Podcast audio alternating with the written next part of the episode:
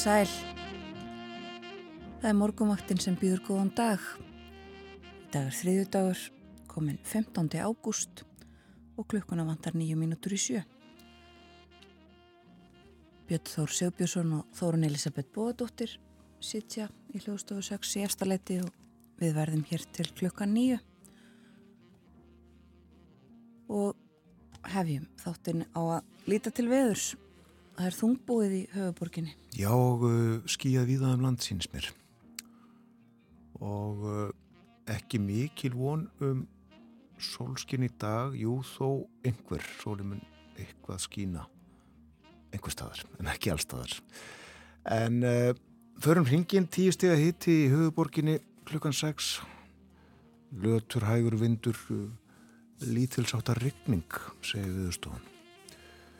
6 gráður á Kvanneri, nánast logg þar á Blankalogg í Stikkisholmi, 10 steg að hitti, skíjað 12 gráður á Patrísfyrði og 11 steg í Bólingavík 10 gráður á Holmavík 10 gráður líka á Blöndósi og æsast nú leikar 14 steg að hitti við Söðunarsvita klukkan 6 Suðvestan 5 metrar 14 gráður, það er tölvert á þessum tíma sólarhengsins. 11 steg hitti á Akureyri og 9 gráður á Húsavík, Langalogna Húsavík, 10 steg hitti á Rauvarhöfn, 8 steg á Skeltingstöðum, 6 gráður á Eilstöðum, léttskíða þar, sunnan 2 metrar. 7 steg hitti á Höfni Hortnafyrði, 8 gráður á Kvískerjum, 7 gráður á Kirkjubæðaklaustri, 11 stiga hitti á Stórhauða í Vestmannegjum og 7 gráður í Árnesi. Og 6 stiga hitti víða á Hálendinu. Var ekki við frostmark þar í gerð sumstaðar og heilar 8 gráður á Holtaverðiði og eh, hittin í dag víða 12 til 20 stig að deginum. Hlýjast austanlands, segir í spáni. Suðvestlægðar breytilega átt 3-10 metrar á sekundu, skíjað að mestu og sumstaðar smá væta suðvestan og vestanlands, en víða bjart fyrir austan. Heldur meiri úrkoma vestan til á morgun og þyknar upp fyrir austan. Og eh, áfram hlýjast á austurlandi þó á morgun miðugudag. Hiti breytist svo lítið á fymtudag, suð austlæg átt 3-10 en 10-15 síðust á landinu um kvöldið. Ryggning sunnan og vestanlands en yfirleitt þurft norðaustanlands. Og á förstu dag austlæg átt áfram kvassast síðust á landinu alltaf 18 metrar á sekundu. Ryggning í kortunum en þurft norðaustan til og hitina 21 stíi, klíjast fyrir norðan. Á laugadag þá er menninganótt í Reykjavík Ákveðin austanátt skíjaða mestu og úrkomi lítið austanlands en annars bjart með köplum og hitin 9 til 19 stygg. Átján gráður í spákortinu á lögadaginn síðdeis er ekki haug. Já. 20 stygg raunar á húsæk. Sko þetta betur þegar nær dregur en eh, við búið að fjöldi fólksverði í miðborginu á lögadaginn líkt og um síðustu helgi. Já, í mikilli blíðu kom saman uh, líklega með fjöldi fólk svo er það ekki á hins einn hátíð hápunkti hennar, gleðugöngunni og, og eh, tónleikum og skemmti, skemmtun sem að því fylgdi. Spjall og tónlist á Darskra hjá okkur á morgumvaktinni í dag. Eh, setjum fyrsta lag þáttarins þennan morgunin af stað.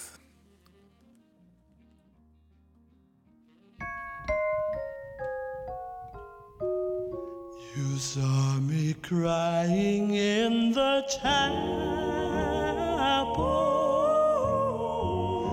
The tears I shed were tears of joy. I know the meaning of contentment. I am happy with the Lord. Just a plain and simple chapel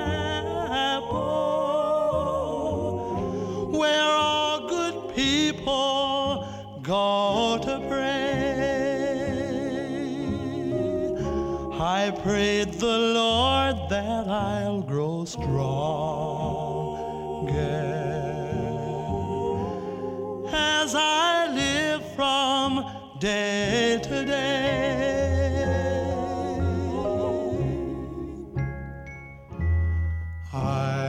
Searched and I searched, but I couldn't find no way on earth to find peace of mind. Now I'm happy in the chapel where people are of one accord. Yes, we gather in the chapel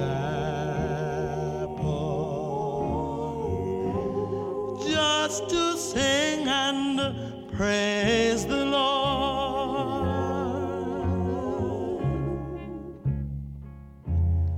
You'll search and you'll search, but you'll never find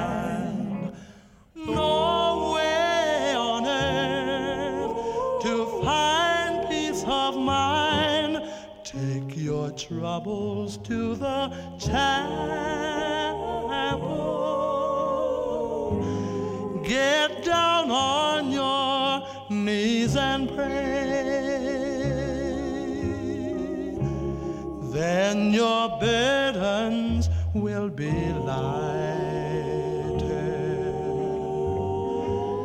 and you'll surely find a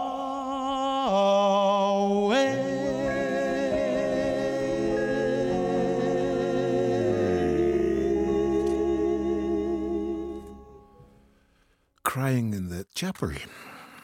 Lag frá 1953 höfundur Darrell Glenn. Fyrstu til að syngja það var sonur höfundar Artie Glenn. Og ég held að það hafi verið fyrst gefið út í júli í flutningi Artis í júli 1953 June Valley söng það svona plötu í mánuðunum þar á eftir. Og uh, fáinum vikum síðar var þessi útgáfa gerð? Þetta voru The Orioles. Er það ekki einhver fugglategund held það. En uh, margir sungið þetta. Til dæmis Elvis 1960 sungið þarna mikill innlifun eins og hæfir yrkisefninu. Það líður á frettunum hjá okkur. Þar kom eftir rétt tæpa mínútu. Við fyrum yfir dagskráð þáttarins eftir frettinnar lítum í blöðin, innlend erlend, ný og gummul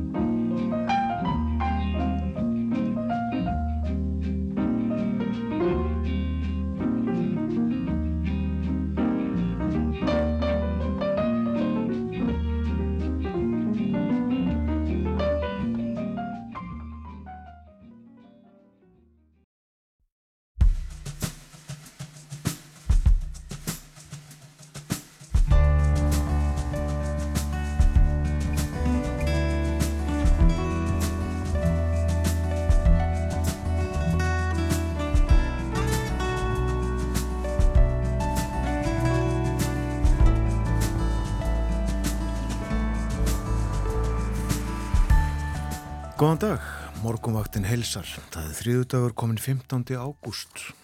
Klukkan farin að ganga átta. Umsjónamenn þáttarins í dag eru Björn Þó Sigbjörnsson og Þórun Elisabeth Bóadóttir. Tvö ári eru í dag liðin frá því að Kabul, höfuðborg Afganistan, fjall í hendur Talibana. Þar með höfðu þeir náð völdum í landinu öllu. Hvernig er lífið í Afganistan í dag? Við ræðum það við Brynju Dögg Fridriksdóttur sem starfaði í landinu og vegum Allandshafsbandalagsins á sínum tíma. Hún verður hér hálf nýju en áður en Brynja Dögg kemur til okkar eru fastir liðar á dagskrá. Þórðursnar Júliusson verður hér upp úr hálf átta og spjallar um efnahag og samfélag. Húsnæðismál verða til sérstakrar umfjöldunar, lánin í verðbólgunni, kvítbók, stjórnvalda og nýbyggingar.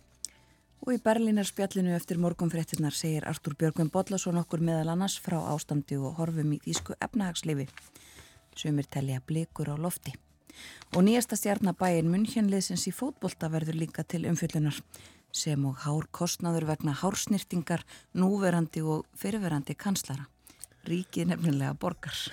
Alls konar efni og dasgrá í Berlínarspjalli í dag. En við hugum að veðrinu höfum yfir hugleðinga veðurfræðings það verður suðvestanátt 3-8 metrar og létt skíðað sumstaðar skíðað sunnan til þetta er nú ekki alveg í samræmi við spákortið eins og ég skoða það í morgun. Nótti búast við skíja hölum víða. En hvað er það eh, hitti 11 til 20 stig hlýjast fyrir norðan Og það verður skíjað á morgun, sumstaða dáli til væta, áfram létt skíjað á norðvestanverðurlandinu og hitatölu verða mjög svipaðar á morgun, en þá verður hlýjast um austanverðlandið. Og um helgina, já þá lítur út fyrir ákveðna austanátt sem að gæti verið hvers síðst á landinu en uh, lengst að verður þurft nema á suðausturlandi. Þar verður rigning með köplum á sunnudag hitti 10 til 20 stíg hlýjast Vestarlands. Það er talsverð regning líka í kortunum fyrir uh, fastudaginn. Helliregning á landinu vestanverðum. Eitt hér áður við lítum í blöðin, uh, ég sá að það er vona á 112 flugulum til keflaugur flugallar í dag. Ég held ég hef ekki séð svo margar lendingar bóðaðar áður. Nei. Þetta eru 5 og 6 flugular á klukkutíma sem að lenda þetta. Þetta næri yfir 18 sólarhingin frá því á miðnætti og fram til miðnættis. En uh, margar koma er núna í morgunsárið og eru lendar fjölmarkar frá bandaríkjunum. Svo tínast þar einn hver af annari fram eftir öllum degi. Og uh, sumi kjósa að ferðast með öðrum hætti, nota enga flugvilar í mist sínar eða leiðar og uh, tvær af bústmaratæginu á Reykjavíkur flugvilli sem ég sá í morgun. Lít út bara eins og farþeða þúttur Já, það er gera það. Og stundum ansi margar á Reykjavíkur flugvilli Og það standa þyrlur uh, þrjára eða fjóra síndis mér í morgun voru þetta ég nánast uh, ekki á jörðu niðri meðan Gauðs gegnum við litlar húttári kynneska. En uh, nú þegar uh, ekkert er þar að gerast lengur já þá þá bara skoða annað. Og margt að sjáu þetta landið skemmtilegt að skoða á hálóftunum En það er einmitt flugvél á fórsíðu morgunblasins mynd af flugvél sem sé og þetta er nú engin mennileg flugvél þetta er B2 Spirit sprengjuflugvel bandrækja þess. En uh, þrjár slíkar eru hér við æfingar þessa dagana og verða og uh, það er ekki bara einn eða tveir flugmenn sem að koma á þessum vélum.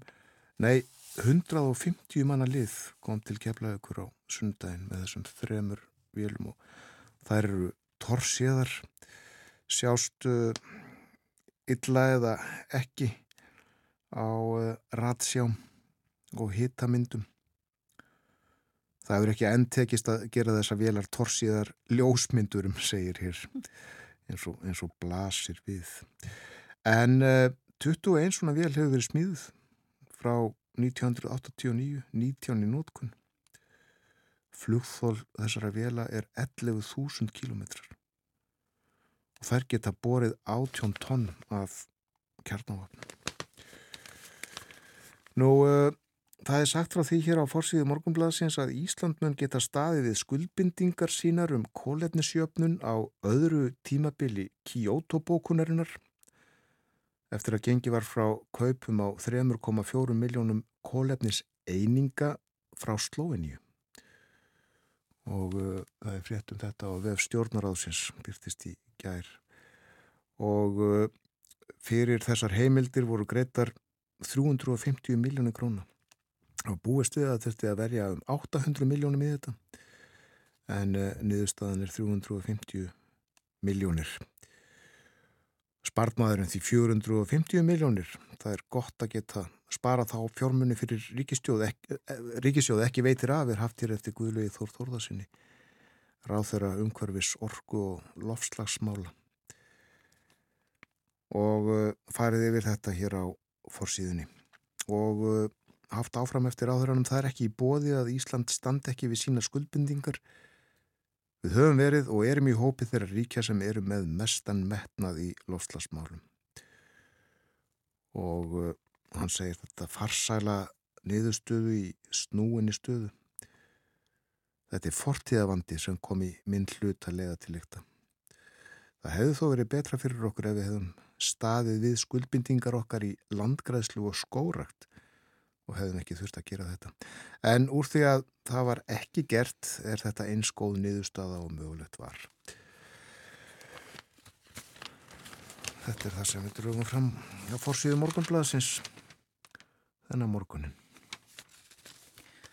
Og í erlendum fjölmjölum má nefna uh, það eru fjölmarkar frettir af því að Donald Trump, fyrverandi bandaríkjafórseti, hefur verið ákjörður en einu sinni, lefum að sér að segja, þetta er fjórða uh, slíka málið á skömmum tíma í rauninni. Uh, og þetta, eitthvað það alvarlegasta og hefur verið beðið Eh, snýstum kostninga úslitin og tilraunir hans og samverkamanna til þess að snúa niðurstuðum kostningana í Georgíuríki hafa áhrif á kostningarnar um, og uh, þessar ákjærur uh, litu dagsins ljós í nótt á íslenskum tíma gerðkvöldi í uh, bandaríkjónum og það var var saksóknarinn sem að og haldinn stór fundur þar sem að farið var yfir þetta allt saman. Það eru 19 manns sem að uh, eru ákerðir uh, Rúdi Giuliani lögmaður Trumps og Mark Meadows sem að var starfsmannastjórun hans þar á meðal. Fjölmarkir og Trump sjálfur ákerður í 13 liðum held ég.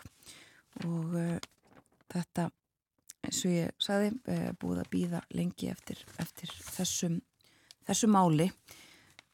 Trump og, og félagar hafa þar til á förstu dag í næstu viku uh, til þess að mæta til Georgiuríkis og uh, það eru bara tvær vikur frá því að hann mætti síðast og, og sagðist saklaus af, af því að hafa haft nokkuð með það að gera að, að stuðningsmennans réðust inn í þingúsið í, í Washington. Eh, nýkomnar fram ákerur um þau mál og þetta tengist allt saman. Eh, þessi mál í Georgiu eh, voru í aðdraðanda þess í rauninni. Það var ekki bara í Georgiuríki þar sem að Trump hafði evasemtir um niðurstöður kostningana og, og reyndi að snúa ennbættismönnum eða hátsettu fólki á sögf með sér um, hann gerði þetta fjölmarkar tilraunir líka til þess að fá úrslitum nekt fyrir domstólum en reyndi svo að þrýsta á ennbættismenn og þarna í Georgíu þá er ekki síst verða ákjara vegna þess að hann var um, hann ringdi símtal sem að var sagt frá Já.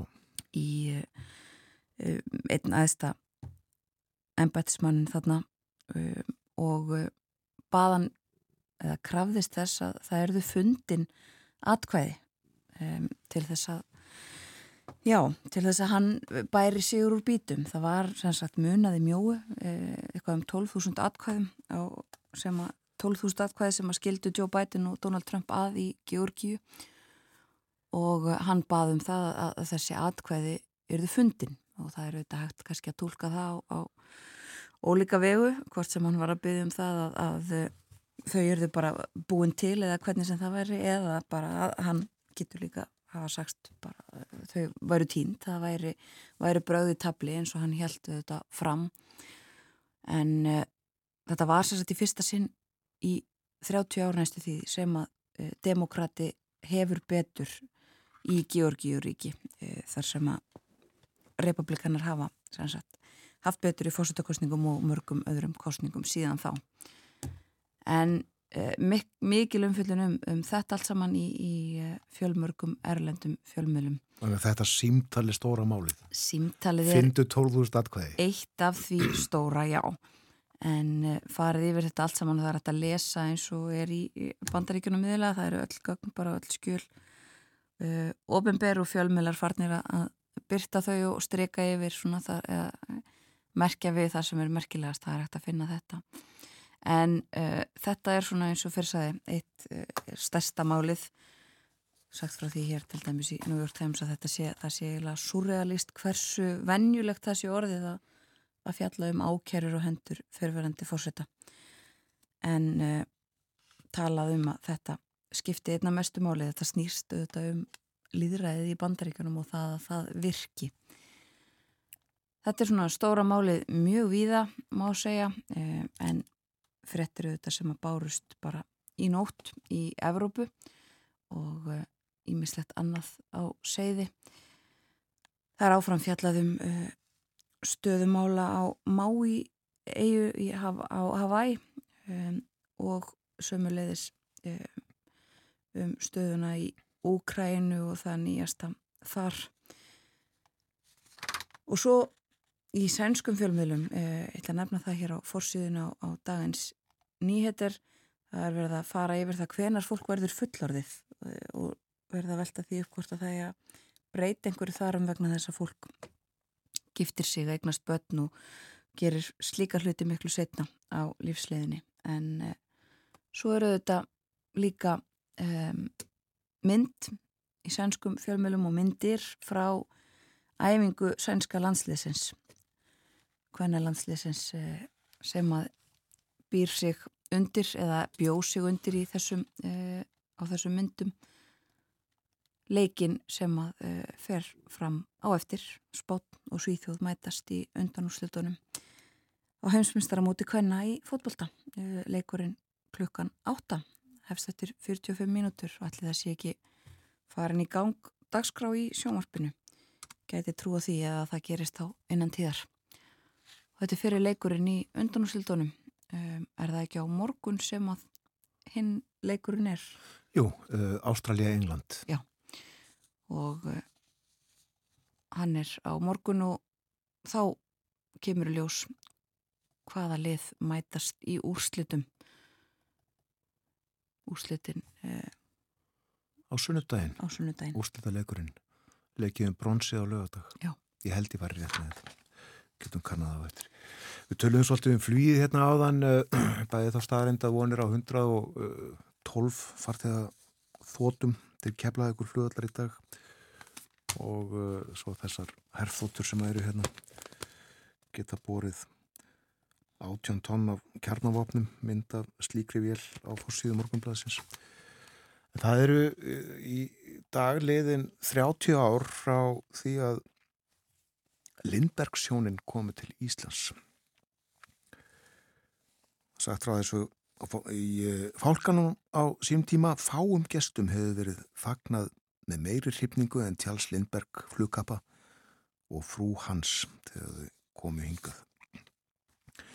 En uh, nokkru áður hafi verið uh, sagt frá því í morgumblæðinu að Pan American Airwaves flugfélagið bandaríska það held það úti rannsóknum á uh, Norður Allandsafs flugleðinni og Vilhelmur Stefánsson, landkunnur, uh, hann var ráðunautur flugfélagsins í þessum efnum en Lindberg flugkappi, hann var var eh, aðal ráðunutur félagsins í verklegum efnum eins og saði frásögn frá þessum tíma. Hann fór, hafði þá farið í rannsóknarflug frá bandreikjunum norður um Alaska, Beringsund og til Japan. Það hefði gert það árinu áður 1932 og nú var sem sagt farið í annan leðangur og það átti að fljúa sem sagt um Grænland, óvist er, saði þeirri innfjöldun, hvort Lindberg vinnist tími til að halda rannsóknum sínum áfram allarleið hinga til Íslands, en það verður ekkert kapp lagt á það, mikið fremur hitt að komast að fastri niðurstöðu um það hvernig takast megi að leggja flugleið um Grænland. En uh, hann kom svo hingað og uh, það var sagt frá því þau voru þegar lögð af staði í þennan leðungur þau hjónin og uh, höfðu þegar uh, flóið um Labrador og hluta Grænlands. Og það sagði þau eru tvö eini í flugvilinni Tjáls Lindberg og kona hans fer hún manni sínum til aðstóðar aðstóðar hún jamt við flugi sjálft við loftskeitasendingar og vjela eftirlitt og segja amerísk blöða svo frá að Lindberg muni geta fengið færari menn sér til aðstóðar hvern á sínu sviði en tröðula nokkur eins jafnvígan á flug skeitasendingar og vela eftirlit sem konu sína. Og það var uh, talsvert fjallað um hana í uh, frásögnum bladana á þessum tíma. En hún var aldrei nafngrind alltaf bara konarnas tjáls aðtekilsvert en hún hétt Anna, Anna Lindberg. En uh, ég hóf þessa frásögn á því að segja frá uh, því hvað fálkinn sagði, já, fáum gestum hefur verið fagnað með meiri hrifningu en Charles Lindberg flugkappa og frú hans. Og uh, tíminn skrifaði líka um málið á forsýðu, já, þau komu hingað. Hjónin lendu um hálf átta, höfðu þá verið um fjóra tíma frá Grænlandi og uh, það þótti vísna merkilegt að uh, þau hefði ekki verið lengur á leiðinni. Ekki tókuðu sér náttstað á gistihúsi eins og búist hafi verið við, heldur höfðust við í flugilinu um nóttina. Ekki er annað kunnugtum fyrirætlanir Lindberg sér en það að hann ætlar að fljúa með fram ströndum landsins og aðtuga flughafnir og uh, svo sagði vegna afreika sinna í flugferðum og glæsimönsku er Tjáls Lindberg af ymsumtalinn frægasti maður í bandaríkjunum og sá vinsalasti næst sjálfum Rósveld Forsetta og uh, aðeins var fjallaðum konu hans önnu líka en hún auðvitað ekki nafngrind og hún svo dóttir amerísks miljóna eiganda og uh, kom fram að uh, hún var í útlærð í stjórn flugvila. Blöðin frá 1933 uh, um Tjáls Lindberg og komu hans og þeirra hjóna Beggja Tjáls og önnu til Íslands. Við löndu á sjónum á sundinu hér melli fastalandsins og við er held ég um það bíl.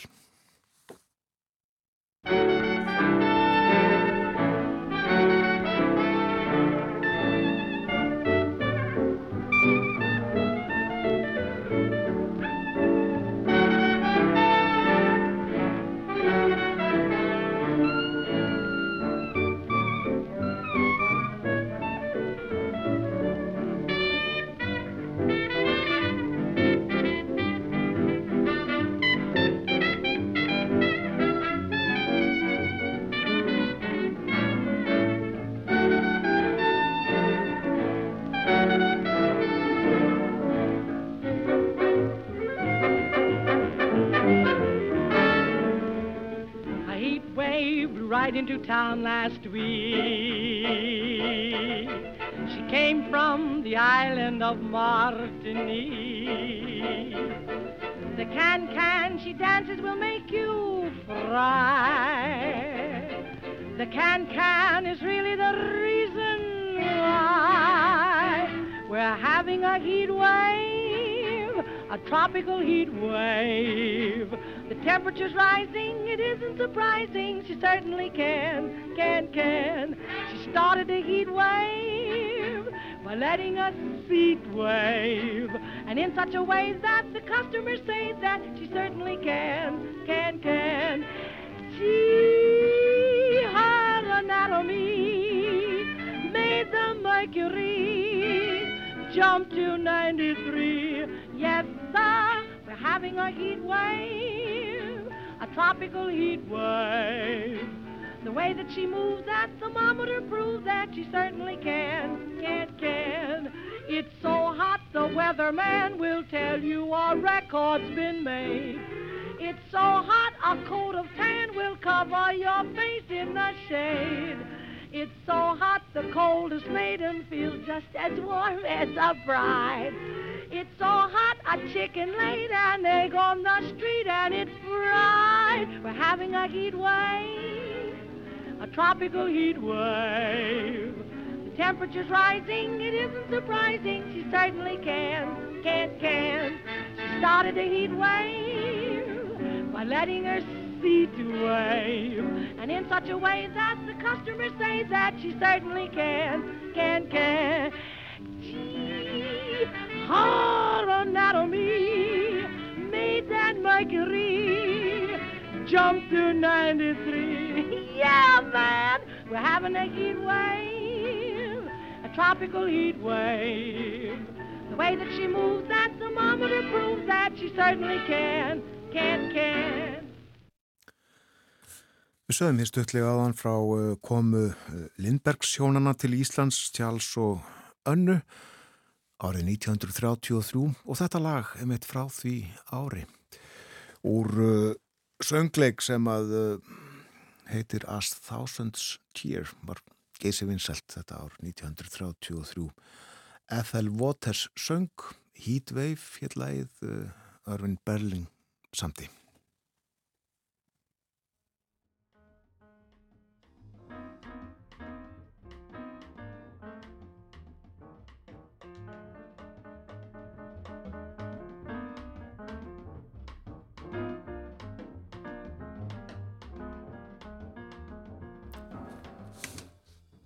Við myndust aðeins á fótbolta hér áðan eh, fyrri undan úrslita leikurinn að heimsmeistramóti hvenna í fótbolta hefst eftir hálftíma rétt rúman. Spátn og Svíþjóð eigast við og á morgun er það Ástrali og England. Ég held að viðrögnin á morgun hefðis klukkan tíu. En uh, það er líka leikið í Evrópuketnin í fótbolta og uh, svona af því að uh, í síðustu viku að þá rettu við Bói Ágússon í heimsklukanum um uh, frækilega framistuðu klaksvíkur í Európkeppni þá getur við þess að setni partin í dag þá fer fram síðari leikur klaksvíkur og máldi leikið í Noregi klaksvík vann fyrirleikin 2-1 og er því bísna vænlegri stöðu fyrir viðregnuna sem að framfyr síðdeis í dag Á uh, fymtudagin leika svo K.A. og Breiðarbleik heimaleiki sína í Európa-ketninni. Töpuðu bæði stórt fyrirleikjunum. Geta snúið tablinu við á fymtudag. Já. Við förum að leipa frettastofunni að yfirleitt morgum fretta á dagskráni á slæginu hálf åtta.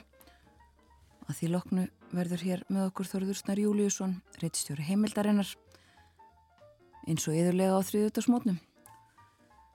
Við ætlum að ræða ímislegt meðal annars um húsnæðismálinn eins og við gerum reglulega. Við ætlum líka að tala aðeins um ferðamálinn. Við myndist á það hérna fyrir morgun að það eru hvað 112 vélar væntanlegar til lendingar og kepla ykkur hlugulli í dag.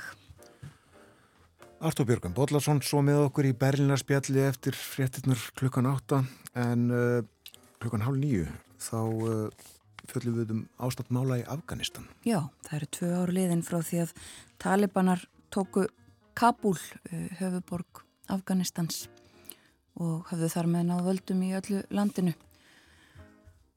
Og hver er staðamála? Tveimur árum setna, Brynja Dögg Fridriksdóttir kemur til okkar. Hún starfaði í Afganistan og fylgist vel með.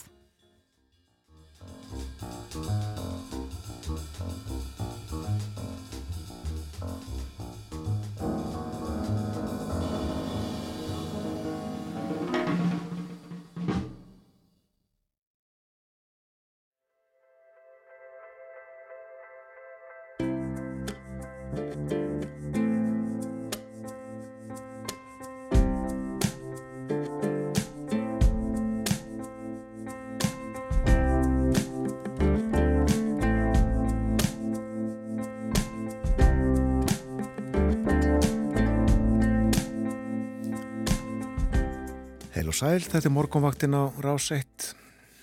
Það er þriðu dagur í dag, komin 15. ágúst, klukkan réttliðilega halv átta. Umsjónamenn þáttarins Björn Þór Sigurbjörnsson og Þórun Elisabeth Bóadóttir. Og við verðum hér til klukkan nýju. Hér á eftir ætlum við að ræða við Artúr Björgum Bóllarsson um uh, þýsk málefni. Fótbolti kemur þar við sögu, uh, líka efnahagsmál ímislegt uh, og svo í lókþáttarins þá verðum við okkur Brynja Dögg Freiriksdóttir uh, ætlum að tala um málefni Afganistan. Það er tvö ár frá því að talibanar náðu þar völdum á nýjanleik eftir 20 ára fjárveru en uh, við fórum yfir veðrið þér áðan. Undruðum okkur aðeins á því að það var eitthvað misræmi og nú er líka búið að uppfæra Það verður söðvestlega átt ríkjandi á landinu í dag og á morgun og því skíjaða mestu vestan til. Með smá vætu af og til en það verður bjartara veður fyrir austan. Víða úrkoma á fymtudag síst þó norðaustanlands. Víðáttu mikil lægð mun svo myndast langt söður í hafi setni hluta vikunar og mun hún stjórna veðrunu hjá okkur fram yfir næstu helgi. Hún mun beina til okkar hlýjum og rökum loftmassa. Austlagar áttir verða ríkjandi með sult eða regningu aðalega fyrir austan. Og þá komið að spjalli um efna á samfélag. Þorðusnar Júliusson, réttstjóri heimildarinnar er komin í þáttinn. Góðan dag. Góðan dag.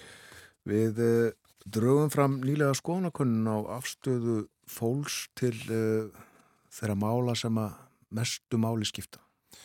Já, kannski fullt djútt í orðin að segja að þau skipti mestu máli en þetta er það sem fólk setur eh, helst á oddin þegar er spurt hvað skiptir það máli? Og þetta er kemur af áherslum stjórnmálaflokka. Akkurat, þetta eru viðfóngsætni stjórnmáluna sem þetta er undir. Já, og, og þetta er aðdeglisverðkönnun sem prósent gerði og byrti fyrir skemstu uh, og kannski það sem kom ekki óvart er það að, að heilbreyðs og öldurinn á þjónusta er eitthvað sem skiptir fólk mestu máli, þetta er svona verið gegnum gangandi þráður hér á landi í tölu allangan tíma, 60% sögðust leggja mesta áherslu á heilbreyðsvöldunum og þjónustu þegar þau nefndi þá máluflokk skiptuða mestu máli. En þar á eftir komu efnagsmál, verðbolga og húsnæðismál, alveg einn napp 47-48% aðspurða nefndu þessa málaflokka sem uh, má fara rauk fyrir þetta eru allir svona á, ekkert neginn með á efnaðsluðum grunni eh, sem þá mikilvægastu og til samanburðar þá uh, vakti aðdegli mín á kom mér á óvart að, að, að svona mannreitindamálaflokkar þeir skoruðu mun læra til dæmis uh, málefni innflytjanda sem hafa verið mikið umræðinni og látið með eins og þessu stundum að kljúfa Íslands samfélag uh, hvort sem það eru þeir sem vilja ja, taka við fleira flóta fólki eða þeir sem eru algjörlega á móti því að við tökum á flóta fólki það voru einungis 15% sem nefndu það sem helsta helsta máletni sem þau hefur áhuga á, á hennu stjórnmálulega sviði. Já. Þannig að ástæðan fyrir því að ég er að rifja þetta upp er, er auðvitað, uh, innlegging inn í það sem við ætlum að fjallum hér í dag sem er meðal annars uh, byggt á grunni þessara málaflokka sem eru mjög ofalega hjá íslensku þjóðinni, húsnæðismál, efnaðismál og þetta verðbólka. Og þetta bendir til þess að uh, róðurinn hefði þingsvoltið hjá fólki?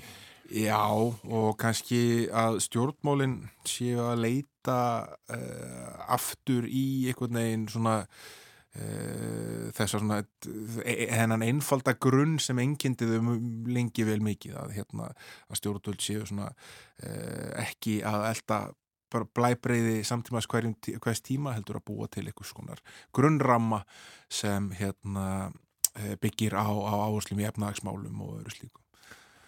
En það er nú einu sinni svo að uh, Þorri Fóls er með uh, já, allt sem það á bara í steinstippunni. Nánast allt.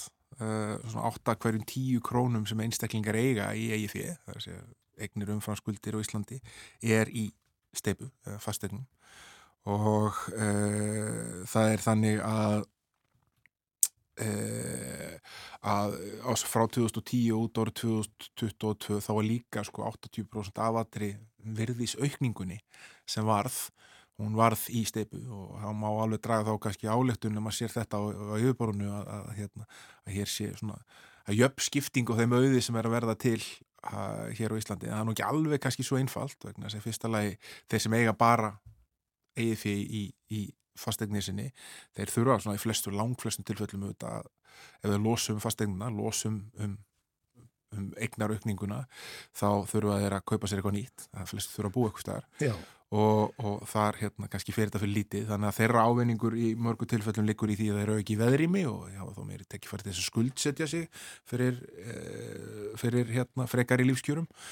Eh, og svo er það þannig að sko af þessum rúmlega 1600 miljörðum af auði sem heimilin áttu í öðru en fastegnum þá átti þau 10% sem voru með hæstu tekjurnar eh, 75% af þeim þar eru verbreyfin sem þessi 10% hópur á 85% af öllum hlutabref og, og annað slíkt. Og, og, og þessa tölur eru eins og við farið yfir hér áður vannmetnar vegna þess að þetta er í ska, skattframtölum og þar eru hlutabrefin sett fram á nafnvirði en ekki e, innlausnarvirði. Það er ekki hvað virði er að er eða um selja þau á markaði í dag. Þannig að hérna svona skiptist þetta en, en auðvitað er hægt að draga þá álíktun út frá þessu, það er svona tvær kannski mjög skýrar álíktan í fyrsta lagi auðvitað að fastegna verður hækkað alveg svakalega hérna á mjög skömmum tíma. Uh, sem byrtist meðal annars í þessari rosalu eignaraukningu, steipu eignaraukningu sem, sem uh, íslensk heimili hafa upplifað. Og í öðru lægi að þetta er eitthvað sem auðvitað hérna, snertir okkur alveg svakalega mikið sko. það er ímislegt sko, hérna, við erum auðvitað með þetta tvöfald að lánakerfi, við erum með verðtrið lán og við erum með óverðtrið lán og hér bara verið þessi háa verðbólka og háir vextir sem fylgja því til þess að hann ná henni niður. Eftir að þeir voru ótrúlega lágir Ótrúlega lágir og þá fór fólki í þessi óverðtriðu lán og, og hérna og tók þá á lágunlögstum, stundum föstum, stundum breytilum og e, það er aðeinsvægt að rýna í tölur núna það sem aðverð þessu ári um það hvernig e, hegðun fólks í skuldsetningunni hefur verið að breytast. Hérna, það er þannig að e, landsmenn hafa til að mynda aldrei verið með jafnháa krónutölu í verðtriðum lánum í böngum og þeir eru með núna. Króntalan hefur hækkað vegna annars vegar að fólk sem ræður ekki við greiðslubyrði á verðtrúunlánum er að skipta yfir í verðtrið og fær þá lærir greiðslubyrði og gefur eftir eigi fjö í staðin uh, en uh, líka vegna þessu að hérna, þegar með verðtrið lán í svona horri verðbólgu þá er höfustóllin alltaf að hækka. Þannig að krónutalan eðlega sem er uh, andla lána er alltaf að hækka líka. Og það er líka aðdeglisvert að, að það er að verða svona smá gjá á milli bankana og lífyrirsjóðana lífyrirsjóðan er að sækja á lífyrirsjóður þurfa ekki að undirgangast ja, uh, miklar eigin fjár hvaðir eins og bankarnir, þeir þurfa ekki að halda á penning til þess að verja sér frá áföllum eins og bankarnir gera og það, krafan á bankana um, um það hversu mikið eigi fyrir þeir þurfa að halda hún hefur aukist á undarföllnu, Sælabankin hefur auka þær kröfur. Geta lífyrirsjóðinni þá bóðið betri kjör? Þeir bjóða ekki betri kjör, við getum nett sem bara dæmi með óvertriða breytilega vexti þar sem allir bankarnir eru komnir uh, vel við 10% í því sem þeir bjóða sínum viðskiptavinum þá eru lífyrsjóður sem eru að bjóða vel undir 9% eða 8,87 held ég hjá lífyrsjóðvestlunum manna sem er einna stórtækastu þeirra. Og prósent, ég tala nú ekki um rúnt prósent til eða frá það skiptimáli Já, þetta skiptir þetta allt máli, þetta er hérna, tölur munur og þetta sýnir það sem er jákvæða fréttir og við séð tilneingu til sérstaklega á síðustu, síðustu rúma áratug að hérna, einum og hálfum að íslenski neyndunur eru doldið vakandi fyrir þessu, það, er, hérna, það eru fleiri að fara til bankana, það er fara fyrir til lífyrirsjóðana sem er að bjóða betri kjör eh, en eh, og eru þá að færa sig úr viðskiptum hjá eh, böngunum. Er, er það ekki vandamál fyrir bankana? Já og nei, þeir eru þetta, skulum líka ef við setjum hlutin í samhengi að hérna, þeir sópuðu vel til sín hérna, á uppgangstímum húsnæðislána á undanföllum árum.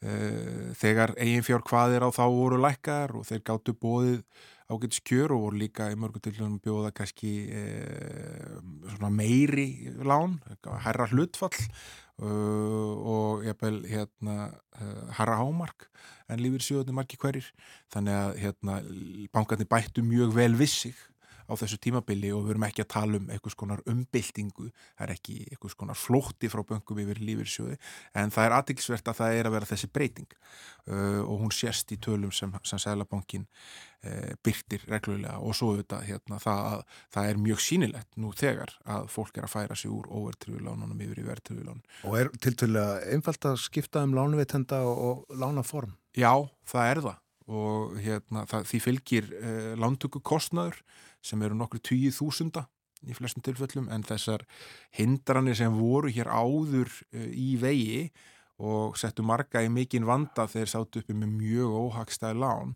Uppgreðslu gjöld og, og annað slíkt. Þau hérna, það er ekki til staða lengur á þessu markaði þannig að það er eh, tiltulega einfalt að færa sig á milli eh, lánveitenda og vera svona reglulega að taka stöðuna um það hvar, get, hvar þú færð hagstöðast í kjörin og hvers konar kjöru þetta henda þér að mismunandi, hvað hendar hverjum hverju sinni, aðstæður fólks eru mismunandi uh, en hérna og, og aðgengið að upplýsingunum er er orðið miklu betra fyrst manni líka. Það er tiltölulega einfalt að fara inn á, á flesta, heimasögur flestar lánveitanda, hvort sem eru bankar að lífyrsjöður og fara einfallega í reikniðélar sem sína þeir hvaða lánskjör er í búði Já, er mikil samkeppni á þessu markað? Ég sé nú ekki auglýsingar þar sem að einhverju kjör eru bú, auglýst og hérna komið til okkar, komið til okkar. Nei, ég myndi nú ekki segja það, ekki þannig hérna, en auðvitað er þetta eru, þetta eru þetta bestu lán sem, sem sko er hægt að lán út vegna þess að þú ert með veð í eigg sem heldur alltaf verðgildi sínu. Þetta er ekki að taka mikla áhættu með því að lána í, í, í lána fólki til þess að kaupa húsnæði. Það er svona hérna, meina, eh, húsnæðisverð hefur hækkað langt umfram verðbólgu á undanfjöldnum árum þannig að það er eh, eignin sem þú ert að lána fyrir hún að, hefur verið að hækka yfir nema kannski núna allra síðustu mánuðum þegar, þegar unnverði hefur aðeins verið að lækka eftir þessa miklu hækkanir Já. þannig að e, veist, þetta er eitthvað sem er mjög eftirsóknavert fyrir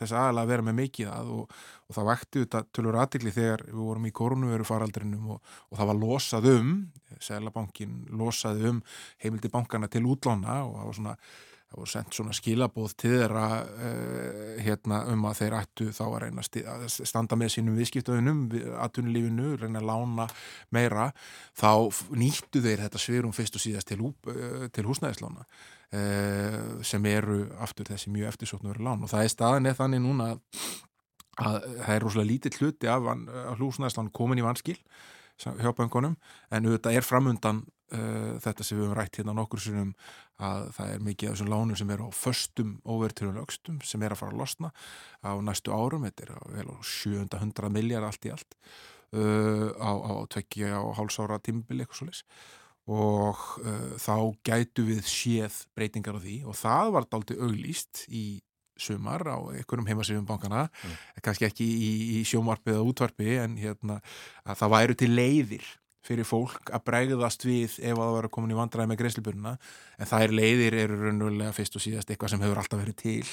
Það er að segja að þú getur skipt úr óveitru yfir í verðtrikt og ykkur er bjóð upp á að senda uh, húsnæðislánu seti sumafrí en þá leggst bara, bara greiðslan á höfustólinn og, og svo er þetta lengja í lánunum ef, að, hérna, eh, ef ykkur, ykkur vilja það. En allt eru þetta úrræði sem hafa staðið til lengi. En þetta getur auðvitað verið heilmikil höfverkur að uh, átta sig á þessu og, og tala nú ekki um að taka svo ákvörðuna uh, verðtrygt, óverðtrygt og fastir eða breytilegi vextir og þetta er hálfgert lottir í sko, hvað þú velur, hvernig aðstæður eru þá?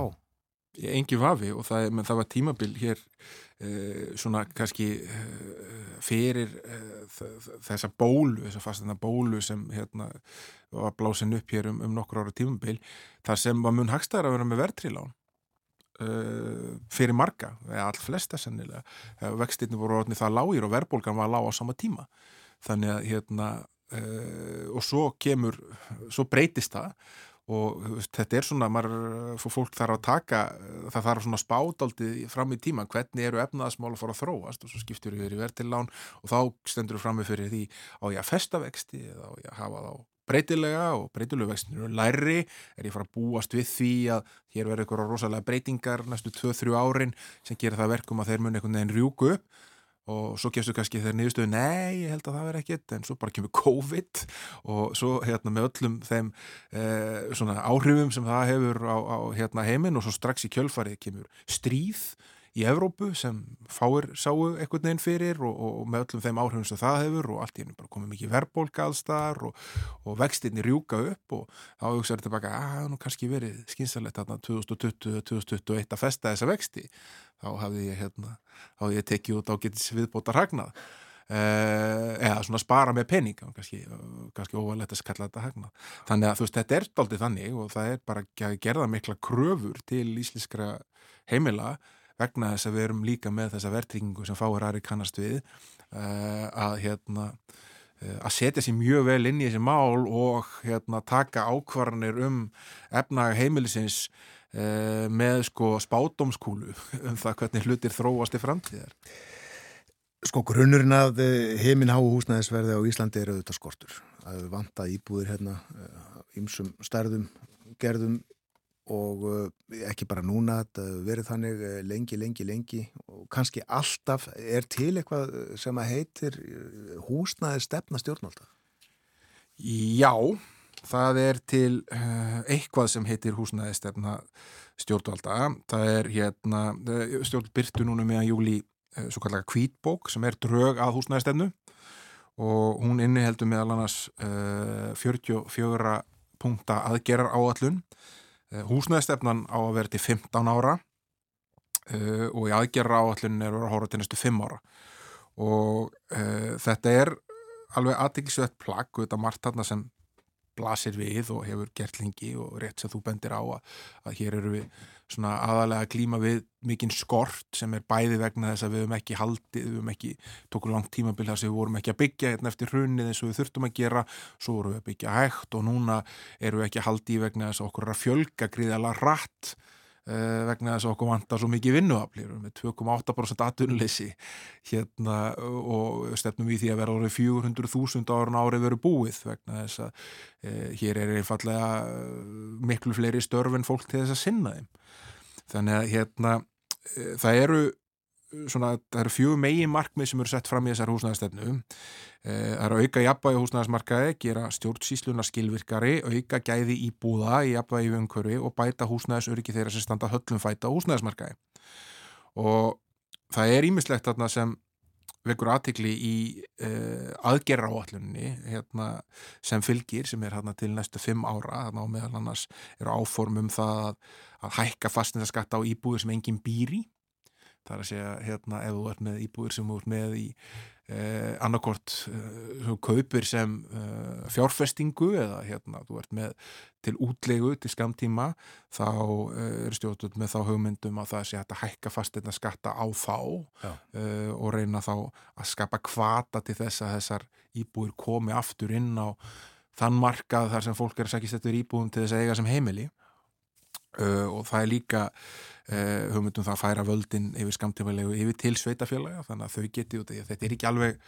þannig að hérna til dæmis við horfum á Airbnb þá er það vandamál uh, hér á höfubókarsvæðinu, kannski sérstaklega í Reykjavík að mikill hluti, eða stór hluti íbúða er, íbúða er, er inni á þeim markaði til að leiði til ferðamanna en sá vandi er kannski ekki til staðar á öðrum svæðum á landinu tekið sem dæmi á vestfjörðum þar sem hérna er eh, veist, e, eru í, lausa, lausar íbúður hér og þar sem uh, henda vel til útlegu til ferðamanna, það er svona kannski frekar að vandi innviði til þess að taka móti ferðamannum eins og við sjáum þegar skemmtifæraskip koma hérna á Ísafjörð með tvöfaldan e, íbúðafjölda og þeir hafa fátt annað að gera en að, en að kíkja bara inn í, í bókabúðina.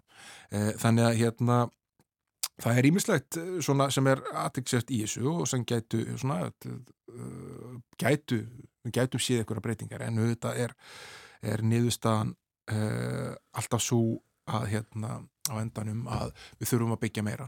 Og kannski einn stór breytingarna sem hefur ekki verið fjalla mikið um en er mjög aðtæksverð er að það er lagt til að veita sveitufjölunum heimil til þess að leysast hissinn byggingareiti það sem framkvæmda leysi kemur í veg fyrir uppbyggingar áform Já, það er að staði lóðir árum saman Já, við, við þekkjum þetta. Þetta er, þetta er góð business á Íslandi kaupa sér lóð og býða og býða og býða og býða til að hérna, rétti tíminn kemur og gera raunverulega lítið hann að framkom ekki dáinin en selja hana með miklu magnaði margir loðabraskarar sem hafa komist í mikla rálnir við að gera þetta og þarna verðist vera að minnstakosti eh, vilji til þess að stíga aðeins niður og segja bara ef að þið gerið ekki X innan uppsölun tíma þá hefur sveitafélagi heimildið þess að stíga inn í og einfallega leysa loðuna til sín. Það er víða verið að byggja, það eru margar kannar í, í borgarlandinu. Það bendir uh, nýja tölur sem hérna, landsmokkin tók saman uh, síndu að, að það bendir flesti þess að nýjar íbúir séu að rýsa með svipum hrað og við fyrir og hitti fyrra en og veldan er ennþá aukast í byggingageranum og starffólkið hefur ekki verið fleira í byggingageranum frá 2008 skulu muna eftir hvernig þau ár voru 2007 og 2008 þetta voru svakaleg uppgangsár í, í, í byggingum. Þar voru hérna, þá voru svo makki krannar að erlendir harfræðingar fengu eila taugáfall þegar komu inn og sáu fjölda þeirra. Eh, og svo er bara þetta er, hérna, þetta er leiðavísir að falli að vera með svona marga kranna á sama tíma. Eh, en það eru eins og það er í, í, í umfjöldun landsbákast komið fram að, hérna, að íbúum á fyrsta byggingastíði er ekki að fjölga eins og síðustu ár og það séu vísbytningar um það að standi fleiri íbúður í byggingu ókláraðar en áður og það er áhugjefni vegna þess að eins og ég myndist á áðan það er íbúðum hérna er að fjölga mjög, mjög, mjög hratt. Já, kranarnir eru margir en uh, það er ekki allstað að vera að byggja íbúðir, það eru að vera að byggja hótel líka. Já, út af því að það þarf að taka á mótu öllum þessu ferðamönum líka. Þetta er hérna það er eh, jákvæði ágin af, af, af uppvexti fermannar sem eru núna, við vorum, við vorum með fleiri gístinættu seldar og fyrir helmingi ásis en við vorum á besta ferðamanna árunni ef við horfum á fjöldan hérna, sem, sem mæli hvarða á besta og vesta eh, 2018 hérna á fyrir hluta þess ás og við erum eh, já, ekki langt frá því að vera með sko, brottfarir ellandi ferðamanna eru mjög sambarlegar og það voru 2018 þar voru uh, á fyrstu sjö mánuðum ásins voru þær 1230.000 þar voru 1310.000 2018 þeir voru 2,3 miljónir ferðamanna sem kom ynga þannig að þetta er, þetta er á mjög svipuðu reiki sem við erum, við erum að fara í bara eitt af stæstu ferðamanna árum uh, sögunar hér. Já. og uh, auðvitað hafa innviðinni batnað, það eru fleiri hótel og annað slíkt en þetta setur mikinn þrýsting á húsnæðismarkað, það er hluta húsnæðismarkað sem fer í það að hýsa ferðamenn og þetta setur þetta gríðalega þrýsting á vinnumarkaðin eins og ég myndist á aðan, hér er 2,8% atvinnleysi sem er langt undir því sem áttu kallaða náttúrulegt atvinnleysi á Íslandi. En það eru þetta mikla tekjur uh, bæði og, til fyrirtækja í, í ferðarþjónustu og líka ríkisjóð. Og það er hinn hliðin á þessu. Já. Þetta auðvitað er að stórbæt afkomi ríkisjóðs langt umfram fyrir það sem, sem gert var áfyrir e, þegar fjárlega frum að básins var lagt fram Eh, ég held að mun nú vanta tölur upp á það að Ríkisjóður verði eh, skila hallalösum en hérna eh, en þetta, maður heyri þá tali fjármálarar ríka um og sjá tölur um það núna þegar ríkisreikningur 2022 kemur út og svo aftur þegar fjárlagafröðuapið fyrir næsta ár verður lagt fram hversu mikill batin er umfram það sem hefur verið lagt upp með. Og Uh, og þetta eins og þú bendir réttil á fyrirtæki sem starfi þessum grein að gera er að græða og tá á fingri. Og það er svona, þetta átti mjög aðliklisvert viðtal við Má Guðmundsson í, í sumar sem byrtist í ámælsreiti vísbettingar þar sem hann fór aðeins yfir þetta og hans, hans niðurstaða fyrir að selabokastjóra var svo að, að Ísland ráði bara í fall ekki við svona mikinn vöxt.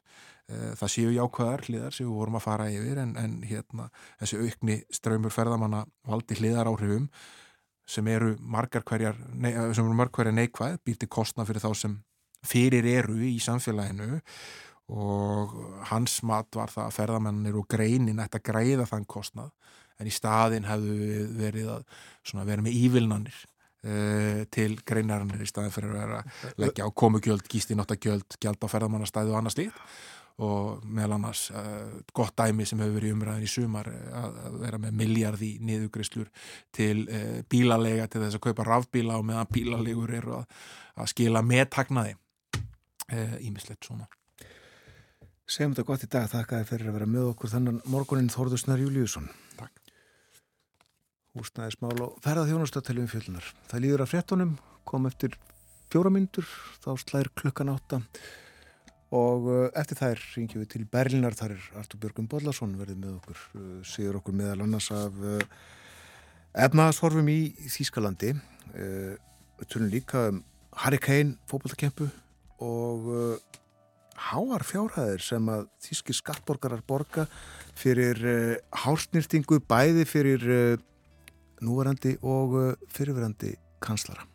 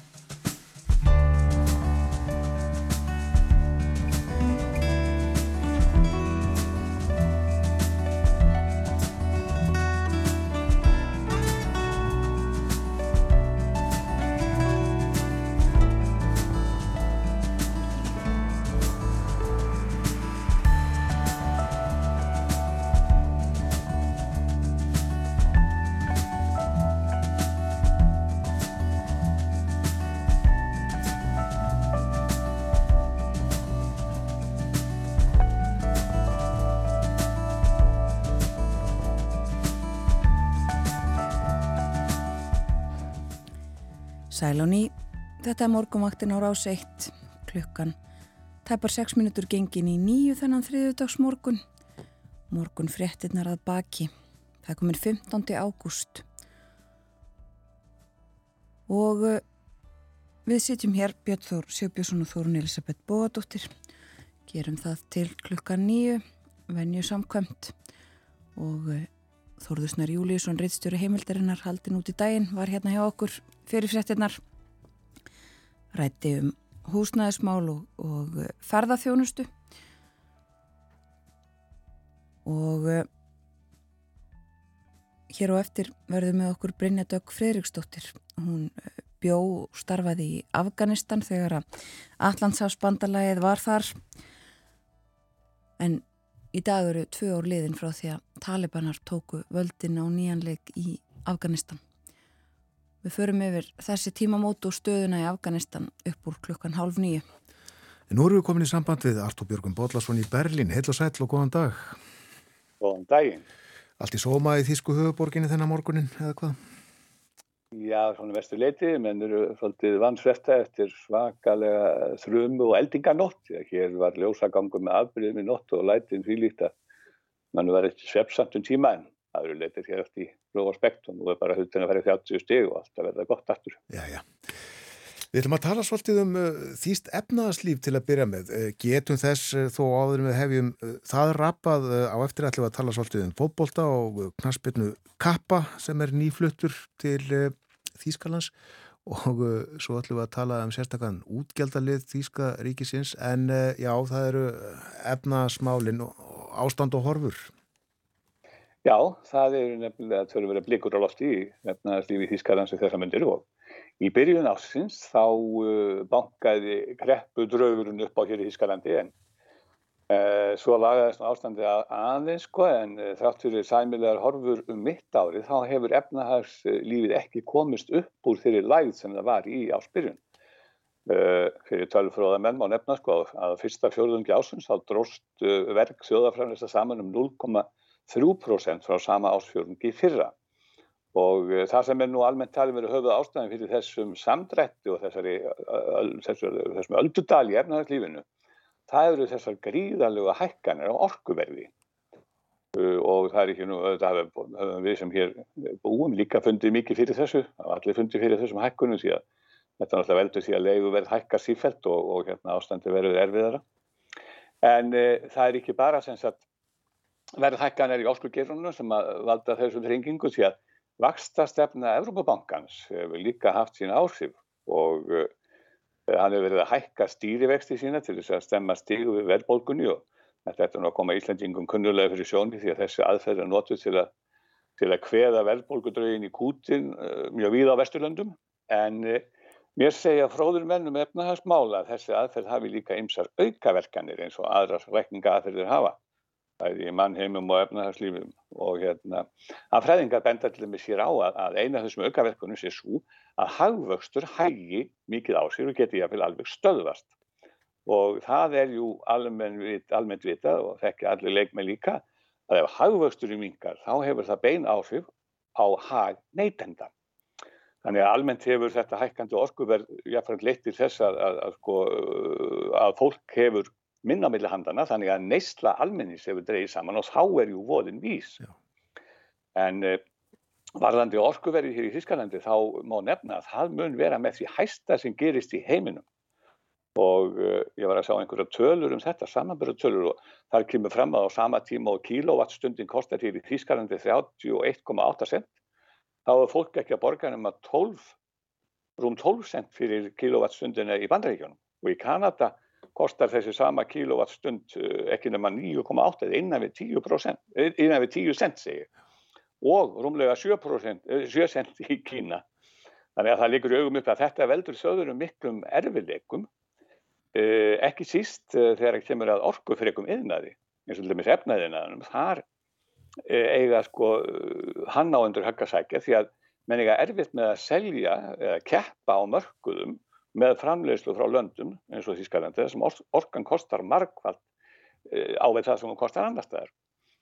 Og það þá nú svo sem kannski ekki mörg orðum það hver ástæðan fyrir þessu ástandi er því að það er ekki það eru óþægt að rifja þau upp að þjóðverða voru ju einfallega miklu háðari rúsum í orkumálum heldur en aðra þjóður að, og þessi, þetta breytti svo bara í hreina martru þegar rúsar íðust inn í Úkræn og það var ákveðið að hætta að kaupa af þeim gas, þá fór allt á annan endan hér og en þáttur er allan bölmóðin uh, sem að berst úr herbúðum þíska yðnaðarins, ekki sístefna yðnaðarins sem er mjög mikilvæg en grein í þessu landi að Ára Ólaf Sjóls kanslari furðu brattur.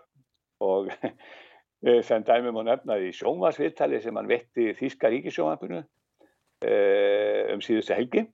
Og hefur vakið mjög mikla aðtil og mikið umtal álétt kanslarinn engan bilbúð á sig finna og þó að frettamæðurinn Theo Koll sem er mjög vektur frettamæður hér og þykir aðgámsharður þegar það kemur að stjórnmálamönum þó hann gengi á hann og spurði hvort hann væri nú ekki uggandi um sístu efnahagslífi í ljósi þeirra neikvæðu frettar sem sífælt er að berast og þeim gera mm. Ásvaraði Sjóls í jafnan til að hann væri hvergi bangin og þetta væri nú allt saman og uppleið.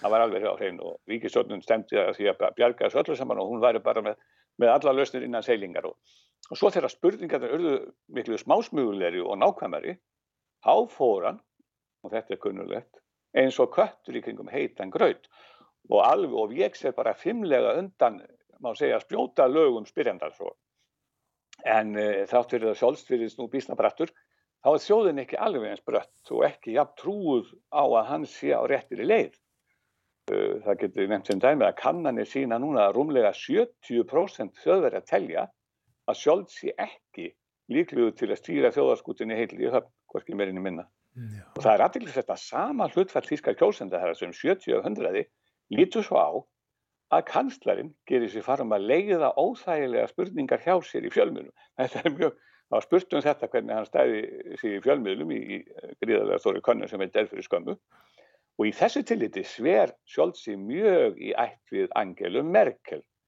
sem var alveg einstaklega lungin þegar að koma því að að sneiða hjá því að svara skýrum spurningum allt og skýrt þegar fjölmiðla fólk átt í hlut og, og e, Þetta er nú svo sem ekkert nýtt í veraldasögunni að, að leituar séu lungnir í að komast hjá óþægjum spurningum. En e, það er kannski annað börstja frá þessu sem, nú, sem má ekki glema heldur að, að hér vantar faglar starffólk alveg hundru þúsunda faglarðar starfsmanna og hvenna í sérhæðu störf það er sko ég sá einhverja törnum dæginum að 430-40 þúsund sérhæðu störf eru ómönnu hér í landinu Þjóðverðar eiga hreinlega ekki sérfræðingi í allir þessi störf og þess vegna þarf að flytja þá inn og það gengur illa. Vegna þess að e, sko, nú er komið í ljós og hefur endar verið vitað að, að skrifræðið er svo gríðarlegt hér í Þískalandi. Það er hver maðurinn úr e, atvinnulífinu lettur til vitnu sem það er öðrum. Að það er svo mikið mála að flytja þessa starfskarta inn. Það þarf að fylla út svo marga papýra og ganga frá svo miklum og svara svo miklum spurningum að að það er óhemjulega sennlegt og erfitt verk og þar kemur líka til að þó að við búum hér í einhverju mesta einríki, já, stærst einríki Evrópu og, landi sem án að vera háþróð á flestum suðum að þá er, sko, er Þískarland ennþá ekki komið inn í nútíman til dæmis þegar það kemur á tölvuvæðingu og uh, það bara skilur enginn hvernig stendur á þessu. Ég satt einmitt með bladamanni vinni mínum á, á kaffihúsi fyrir nokkum dögum. Við vorum að ræða þetta og ég sagði, af hverju er Þískarland svona algjörlega aftast á meirinn í þessum efnum? Hann sagði, það er bara áskilin, ég skildi ekki heldur. Þannig að uh, þetta er erfitt að skilja og sem dæmi getið nefn bara, einföld dæmi um það sko, við þekkjum þetta á Íslandi að þegar við förum til uh, Læknis og uh, það þarf að senda recept uh, í, í, í apotek eða lífebúð að þá bara sest læknirinn við tölvuna og skrifa þetta og við förum í búðuna og sækjum þetta því þetta er tölvukerfinu. Hérna er ennþá verið það dinglega, ég fór um mitt sjálfu til læknis og dögunum, þurfti að fá recept. Og mér var aðfend að það var sett uh, skrifað, það vísu ekki handskrifað, það var ekki svo slemt, en það var prentað út og ég láti hann hafa það, svo þegar ég að lappa með þetta recept í, sko, í brefformi uh, í lífebúð og uh, þetta er náttúrulega bara, þetta er eiginlega sko hverkið þekkt á bíðu bóli lengur í Vesturlundum og svo annað til dæmis sem er nú bagalega heldur en það þó menn séu að lappa með recept á milli lífebúða í höndunum. Þá er til dæmis BAfög eða þýska námslánakerfi þannig að krakkarnir, ungd fólk sem er fyrir námi, það kann náttúrulega tölfur og það sækir um námslánin sín á tölfur. Svo eru þessar umsóknir, ég held ég væri ekki að sjá þetta rétt fyrir ég heyrði þetta rétt um á dögunum, eða heyrði rétt að þá, þá eru þær prentaðar út á hennum ímsu skrifstofum í, í fylgjónum og svo eru menn að böglast með þessa gríðarlega þykku bladabunga og fara í gegnum þá í stað fyrir að vinna þetta í tölvunum til þess að geta afgræðið lánin og auðvitað krakkandir eru að býða marga mánuðu stundum eftir því að fá þessi námslan sín afgræðið þannig að á öllum sviðum er þetta svakalega gammaldags og að þjófskalan síðan náttúrulega bara eins og ég segi, eitthvað öflugast innríki innríki veraldar. Þetta er með ólíkindum að heyra. Það er greinlegt að við Íslandika getum kent þjóður um ímislegt í þessum öfnum. Ég held að, svo notur nú slangur að það ættu nú bara sko að Íslandingar ættu að fara að gera meir út af þetta know-how sitt hérna sko, senda bara heilu hersveitirnar af tölvu fólki hinga því að þar eru við náttúrulega mjög framalega og Norðurlöndin almenn. Artur Björgun, við ætlum aðeins að uh, tala um fótbolta eða ákveðin fótboltamann. Uh, það er Harry Kane sem er uh, einn af nýjustu íbúðum Þískalands. Já, mér skilst að breytar grátun og hafugum tárum yfir því að vera búin að missa hann á landi. Harry Kane hefur ju gert garðið fræðanum langt ára bíl sem marka skittabæði með ennska landsliðinu og allir fótbolta áhuga minn vita og Tottenham Hotspur líka. En fórustumenn Bayern München kræktu í þennan merkilega og flotta spilara, fótboltamann, og þeir letu henni í veri vekka. Það hefði ekki verið tekið út með seldin að, ná honum hinga til uh, Bayern München, úr valliðsins Bayern München, því að uh, það hefði verið sko, þeirra draumur að fá hann en það hefur verið langar og erfiðar samningaverðar sem fylgdu þessu öllu saman og, og uh, svo hafa þeir haldið því fram að hann falli bæði sem karakter og leikmaður algjörlega inn í þýrka mestaræliði, hann sé bara eins og sniðin fyrir það, klæðskera sniðin fyrir þetta lið og uh, þeir hafa líka bent á það þessir fyrir svona fókbalta áhaga menn að, að þekkja þeir það sjálfsagt að, að þegar bæjar München þetta fræða lið hefur verið að vinna sína titla og þeir eru búin að sapna sér mörgum titlum og byggurum í gennum tíðina að þá hafi það alltaf skipt miklu mára að hafa miðframherja eða sender eins og við köllum þetta í Galataðana í fólkbóltarum veitir að við miðframherji held ég að hafa slíka mann á heimsvísu til þess að koma boltanum í netið og bjargónum, bjargónum Harry Kane sem einn frægast að marka skitta Evrópabilins kjörin til þess að gegna þessu hluti ekki liðinu og, og Kane hefur sjálfur verið óspar og lofið og, og bæfið sko mistarann og hann hefur haldið fram að eftir bæjan sé besta fókbóltafélagi heimi og sé vel lengi langa að komast í þenn á þennan háa stall. En uh, þetta er náttúrulega, uh, hann þurfti náttúrulega að fá einhverja krónu fyrir að koma og liðið hans líka vendanlega og uh, það er, sko, með að við þau frektir sem berast á launamálum Keynes hér í Þískalandi þá að ljósta hann það geta keipt sér mjög dýra leðuböksur í Bæjarlandi. Því að samkvæmt því sem næst verið komist þá mun þessi 30 markaskitta þérna hvorki meirinn minn en 25 miljón eurur í áslaun sem eru um 300 miljónir íslenska króna á mánuði. Og aðeins svona okkur fótballtöðunandi sko vogið þegar að vera með neina dilgu þá hefur það kannski eitthvað ráður því að hann ákveða skiptun lið því að hann fekk vist ekki með helmingina þessu höfið eða litlar 150 miljónir í áslun njá mánuði hjá, hjá Tottenham áður þannig að það er, það er allavega munu fyrir hann að hann getur þarf ekki að spara neitt viss í mat og drikk þegar hann er komin hinga eftir því sem hún getur loksins veitt sem það sem hugurinn gildi en uh, þeir fóru nú ekki vel af stað í bæinn töpuðu 3-0 í, í fyrsta leiknum í síðustu viku. Held ég að hann hafi verið á uh, förstu dag eða lögadag uh, Já, fyrir Leipzig. Það var nú líka, hann kom ekki nema bara alveg síðast inn, ég held að 60 og svo eitthvað mínútu þá var hann, hann var bara settur svona til spari inn en það er náttúrulega á nættar að samlaga sliðinu og hann var bara settur inn til þess að fólk geti klappað svona lófi lóa og, og hérna en, en var ekkit líkið maður í þeim leik en hann áttur að sína sig og sanna náttúrulega það kemur í ljós þegar fótballtum byrjir hér fyrir alvöru með höstuna. Það eru miklu peningar í fótballtanum, við erum með svona, hvað ég var að segja, samhengi hlutana hérna hjá okkur, við vorum að fá ábendingu um það að þetta kaupverð. Já, kaupverðið á Harry Kane herraheldurinn sem nefnur tjóninu af óverinu hans í Noregi. Þetta fengum við frá hlustanda í Noregi, Páli Höskuldsunni. Og að leggja mat á það. Já, þá er það alveg ljóst að hann getur keipt sér mjög. Leðubuksur eru nú svolítið dýrar, þetta er aðabúningur, þjóðbúningur bæjara sko. Leðubuksurlans, leðubuksuna, hann getur keipt sér mjög dýra útgáð þeim. Akkurat.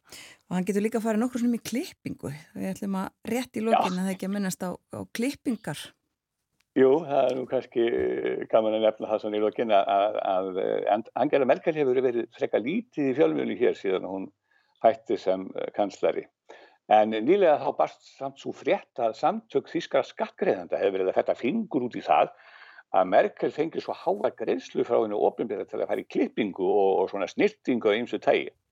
Og þess að ríkið var eða allt og miklu fyrir í, í fyriröndi kanslari til að gera hann að sæta á fína. Þetta var allt í lægi svo sem en allt og dýrt og þess að samkvæmt ofnbyrðum tölum að þá borgar þýska ríkið Merkel Litlar 55.000 eurur eða um 8 miljónir íslenska króna á ári svo hann getur punta sig.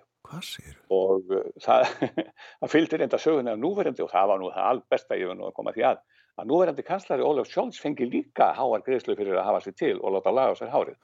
Og þetta töldur hún samtug skattgreðanda freka mikið bröðul ekki síst þegar og ég vil enn meira bröðul við merkilega þú með hárið en það er ekki að segja um Ólaf því að Ólaf Scholz er nána sköllóttur þannig að að vera að eða sem sagt miljónum króna í það að hafa að laga hárið og sköllóttum manni. Það er nú kannski svolítið svona ja, umdelarlegt svo ekki sem ég er að segja. Býtu 8 miljónir á árið er þetta ekki 700.000 krónur á mánu eða eitthvað svo leiðis? Jú, eitthvað þannig um bíl. En, en sem sagt, Angela Merkel er ekki bara á, á hefðbundnum eftirlaunum hún fær líka einhverja svona styrki og, og spórslur Já, já Hún er með allavega sko 35.000 eurur eftir mánuðu fyrsta árið þeim er rétt, þetta er hún hætti Já. og svo er það eitthvað 15-16.000 eurur á mánuðu sem hún fær í hefðbundir eftir henni. Hún fær margarsportlu, hún er líka með skrifstofur sem hún fær borgaði hér í Berlín. Þetta er, þetta er Linden og svo er hún líka með Gesslu náttúrulega, hún er með Öryggisvörs sem, sem er borgaður líka þannig að það er ímis annað kostnaður sem leggst til þegar það er ræða fyrir öðrundi kartar. Einmitt. Og já, Sjóls fær þetta líka. Hvað ætla að gera við þessa peninga?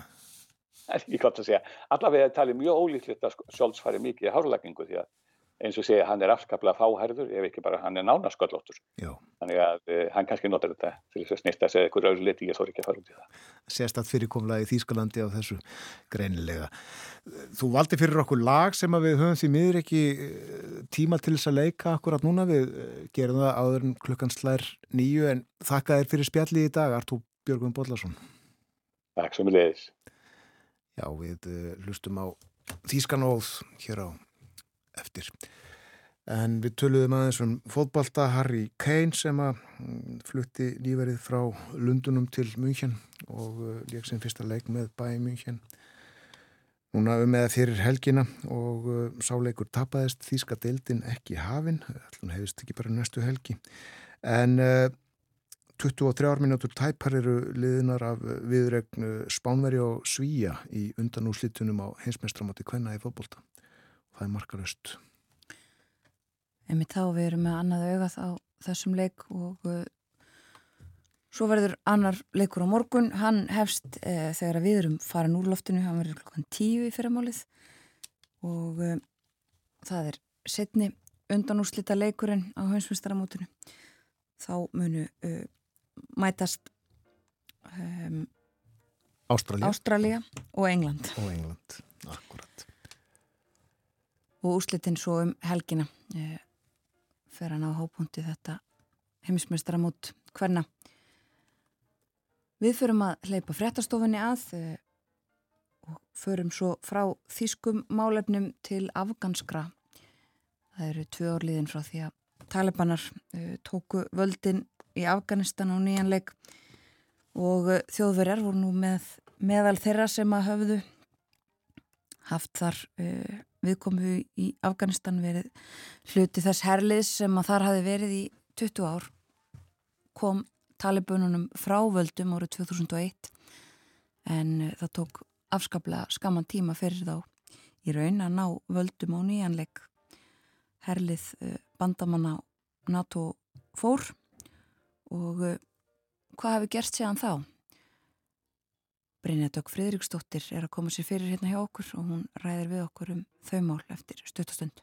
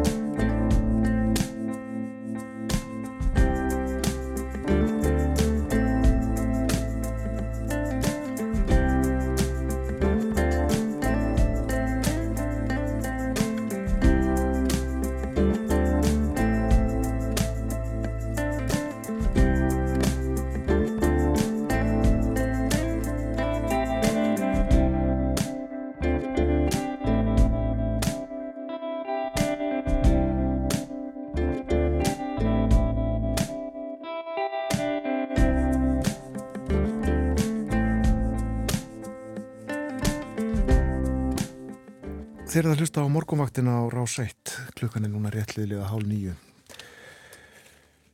Björn Þór og Þórun Elisabeth um sjónum en þáttarins í dag og uh, framöndan ja, síðast í hlutin þennan morgunin Já, við förum frá Þískalandi til Afganistan. Minnst á það í morgun að uh, það eru tvö árliðin frá því að Talibanar tóku völd í Kabul, höfuborg Afganistan. Þá uh, voru liðinni nokkri mánuður frá því að þeir svona hófu kannski formlega sók sína í landinu.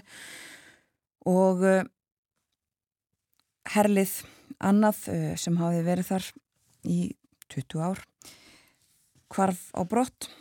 Og við ætlum að ræða um Afganistan og stöðuna þar í dag. Uh, næstu mínuturnar Brynja Dögg Freiriksdóttir, kveikmyndagerða kona og fyrirverandi starfsmöður NATO í Afganistan er komin hingað til okkar, hún starfaði sem sagt já meðan að Allandsafsbandalægið var í eh, Afganistan og stutti við stjórnvöld eh, á vegum íslensku fríðageslunar og eh, hún er líka einn fjóra kvenna sem að þegar að þetta gerðist fyrir tveimur árum sendu ákall til íslenskra stjórnvalda um að grípa til aðgerða meðal annars að koma hinga til lands hópi flótafólks frá Afganistan. Velkomin á morgunváttina Brynja. Já, takk fyrir. Eins og ég nefndi, þið senduð þarna ákall e, fjórar konur og, og fleiri sem að tóku undir það með ykkur með tengsl við Afganistan. Stjórnvöld hér á landi ákvaða endanum að taka móti, ég held að það hefur verið 120 manns. En það um, já, veistu hvernig þau mál standa núna, við veitum að þetta var þetta erfileikum bundi strax að koma fólki í burtu. En, en veistu hvar svona mál standa þetta, hvað það komi margir eða? Sko, uh, ég veit það nú ekki alveg svona já, en einar tölur um það hvað sem margir komu. En það kom ekkur hópur hérna uh, nokkur mánuðum eftir fall uh, Afganistan og svo eru ekkurir sem hafa komið bara á grundvelli fjölskyldisaminningar. En svo veit ég líka um dæmi þess að, að hérna, einstaklingar hafi komið til landsins bara reynlega á eigin vegum, þá til og með skallmenn og uh, þeir eru hérna allavega. þannig að hvort að þeir séu þá innifaldir í þessum tölum sem stjórnvöld gafu út eða hvað, það bara þekki ekki. Nei. Og svo eru þetta, einmitt þess að sér, Karlmenn kannski komnir við uh, höfum heyrt það líka í fréttum og það er, og vitum það þetta, að það vil líka bara reynst þetta erfitt að komast í burtu frá Afganistan ekki sístæmit fyrir konur. Nefnilega, þannig að, að sko, þetta er fjölbreyttur vantefa sem orði komast það eru kannski ekki allir sem eiga vegabref til að byrja með. Eh, svo þegar þau eru komið vegabref þá þurfum við jæfnvel eh, áritun til þess að komast til eh, landsins. Nú það er eins og sérstaklega konur það er meg ekki fara um í Afganistan á þess að vera með Karlkens fjölskyldu mann með sér eða sérst fyldar mann með sér sem getur að verið bróður eða, eða sonur eða fadir eða þess að þar. Þannig að sumar kannski hafa það ekki eða eiga ekki síni eða sem er að fara með. Um, og svo, svo er það spurningin sko, komast þetta kannski til Pakistan, ok, komast þetta þaðan, það er ekki endilega sjálfgefið, komast þetta til Íran, hvernig komast þetta þaðan.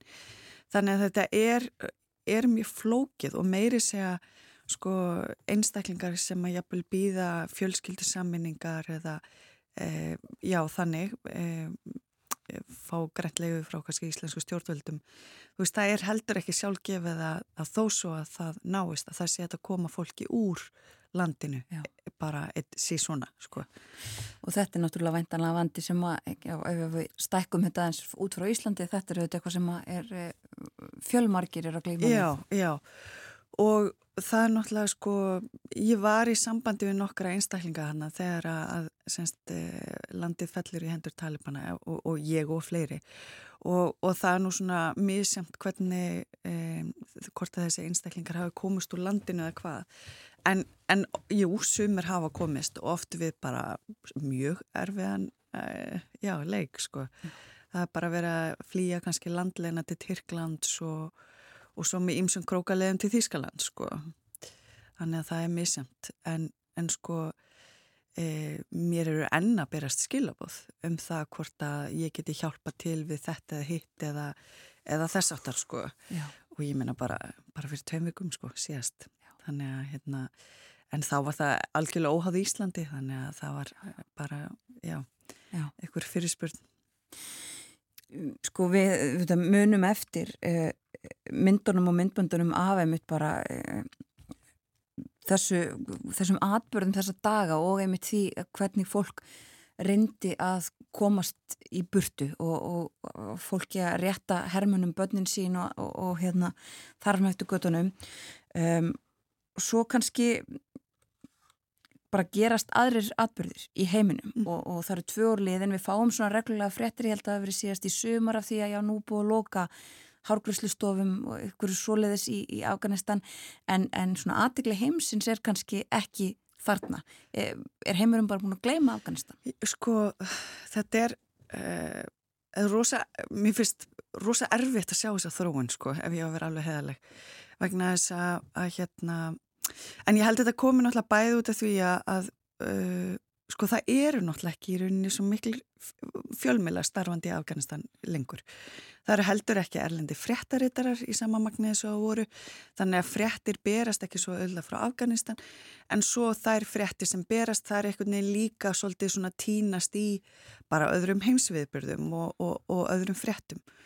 En við verðum heldur líka svolítið að sko e, eins og þessi frétt eins og það sé verið að loka hárkvæslistofum og snýrtistofum sko þú veist, maður má ekki, maður verður að passa að hugsa bara, æ, já, slæmt, nú komur það ekki litun og klippa eða eitthvað en þetta þýðir bara það að e, þetta er eitt af síðustu stöðum sem, sem að konur hafa útaf fyrir sig, sem er bara að vera að banna þeim frá mm. fyrir utan að það eru náttúrulega fjölmarkar konur sem starfa við þetta sem kannski eru er sérst, eina hérna, aðelin fjölskyldunum með atvinni því að Já. það er náttúrulega mikið atvinnleysi og, og náttúrulega bara almenn fátækt Þannig að þetta hefur í rauninu alveg ótrúlega mikil áhrif bara inn í samfélagi sko og þegar það er búið að sérst, banna konum að vera veist í almenningsgörðum og það er búið að banna þeim að fara í almenningsböð, það er búið að banna þeim að fara á hárguslistur, frutan háskóla og, og efri mentasteg sko Já. og vinna og allt þetta, þú veist, það er algjörlega verið að taka þér úr samfélaginu. En, en hérna, þess vegna finnst mér rosalega mikilvægt að, að fjölmilar haldi bara áfram að, að beina sjónu sínum að þessu sko og, og stöðu þeirra sem að ennþá eru bara að takast á við ymsa raunir bara á hverju minnsta degi sko. Ég Það talaði um, ég held að saminuð þjóðnar hafi sagt að þetta sé bara hennilega aðskilnaðastefna. Það er bara kynja aðskilnaðastefna. Það, hefur verið nota orðið bara apartheid. Akkurat. Já. Og, og hérna, annað sem að sko hefur verið bent á að, að sérst, bara andleg helsa uh, afganska kvenna er ekki góð. Það talaði um alltaf 1-2 sjálfsvík uh, kvenna á dag og, og hérna þetta eru bara sláandi tölur. Já. Förum aðs, einmitt áður en við tölum um, um, um efnahagsmólin og enni einmitt þetta sko talibanar lofuðu því þegar þeir uh, tóku völdin þarna fyrir tveimur árum þá kom allavega einhverjar yfirlýsingar um að, að þetta yrði með öðrum hætti heldur en áður. Konur fengju uh, heldu einhverjum réttundum um, en svo hefur það svona uh, já, jamt og þjætt eiginlega verið tekið í burtu er það ekki? Þú fórst, förum aðeins nánur og nýtt að þetta eru já, skólar. Skólanir, eh, vinnan eh, þar eru ekki lengur í fjölmjölum svo mikið. Eh, þar með ekki menta sig eftir sjötabæk þar með ekki vinna um, það, til dæmis ekki hjálpastofnun nema að voru nú einhverju undan þá voru þar. Eh, og svo þetta með hálfkvæslustofunar og snirtustofunar Þannig að, eh, já, það, það bara, það, hvert víi hvenna fellur einhvern veginn eftir öðru og, og þó svo þeir hafi sagt þetta þá hefur sko annað komað að daginn uh, svona með tíu tíma og það er náttúrulega heldur engin sko uh, það eru engar umræður, viðræður við talibana þú veist innan alþjóða samfélagsins mm -hmm. sem heitir geta þannig að, hérna, þeir eitthvað bara eru svolítið að gera sitt og, og, og bara, já, halvpartin komast upp með það. Já, já alþjóða samfélagi veit ekki alveg hvernig það á að uh, taka á þessu. Nei, það er svona ekki alveg konsensus svo í slektinu aðeins um það virðist vera. En, en hérna, það er kannski eitt að viðkenna uh, talibana sem stjórnvöld en annað að, að bara taka algjörlega fyrir uh, sest, samtal við á, sko. Uh, ég er ekki að segja að það er endilega að viðkynna þá sem stjórnvöld, alls ekki, en, en ég held að samtalið verði að eiga sér stað, sko. Um, bara, þetta gengur bara ekki í nútíma samfélagi. Nei, já, alþjóða samfélagi veit ekki hvernig á að takast á við þetta, það er mitt stjórnvöldin uh, hafa ekki verið viðkjönd uh, af neinum held ég að fáum ef nokkrum.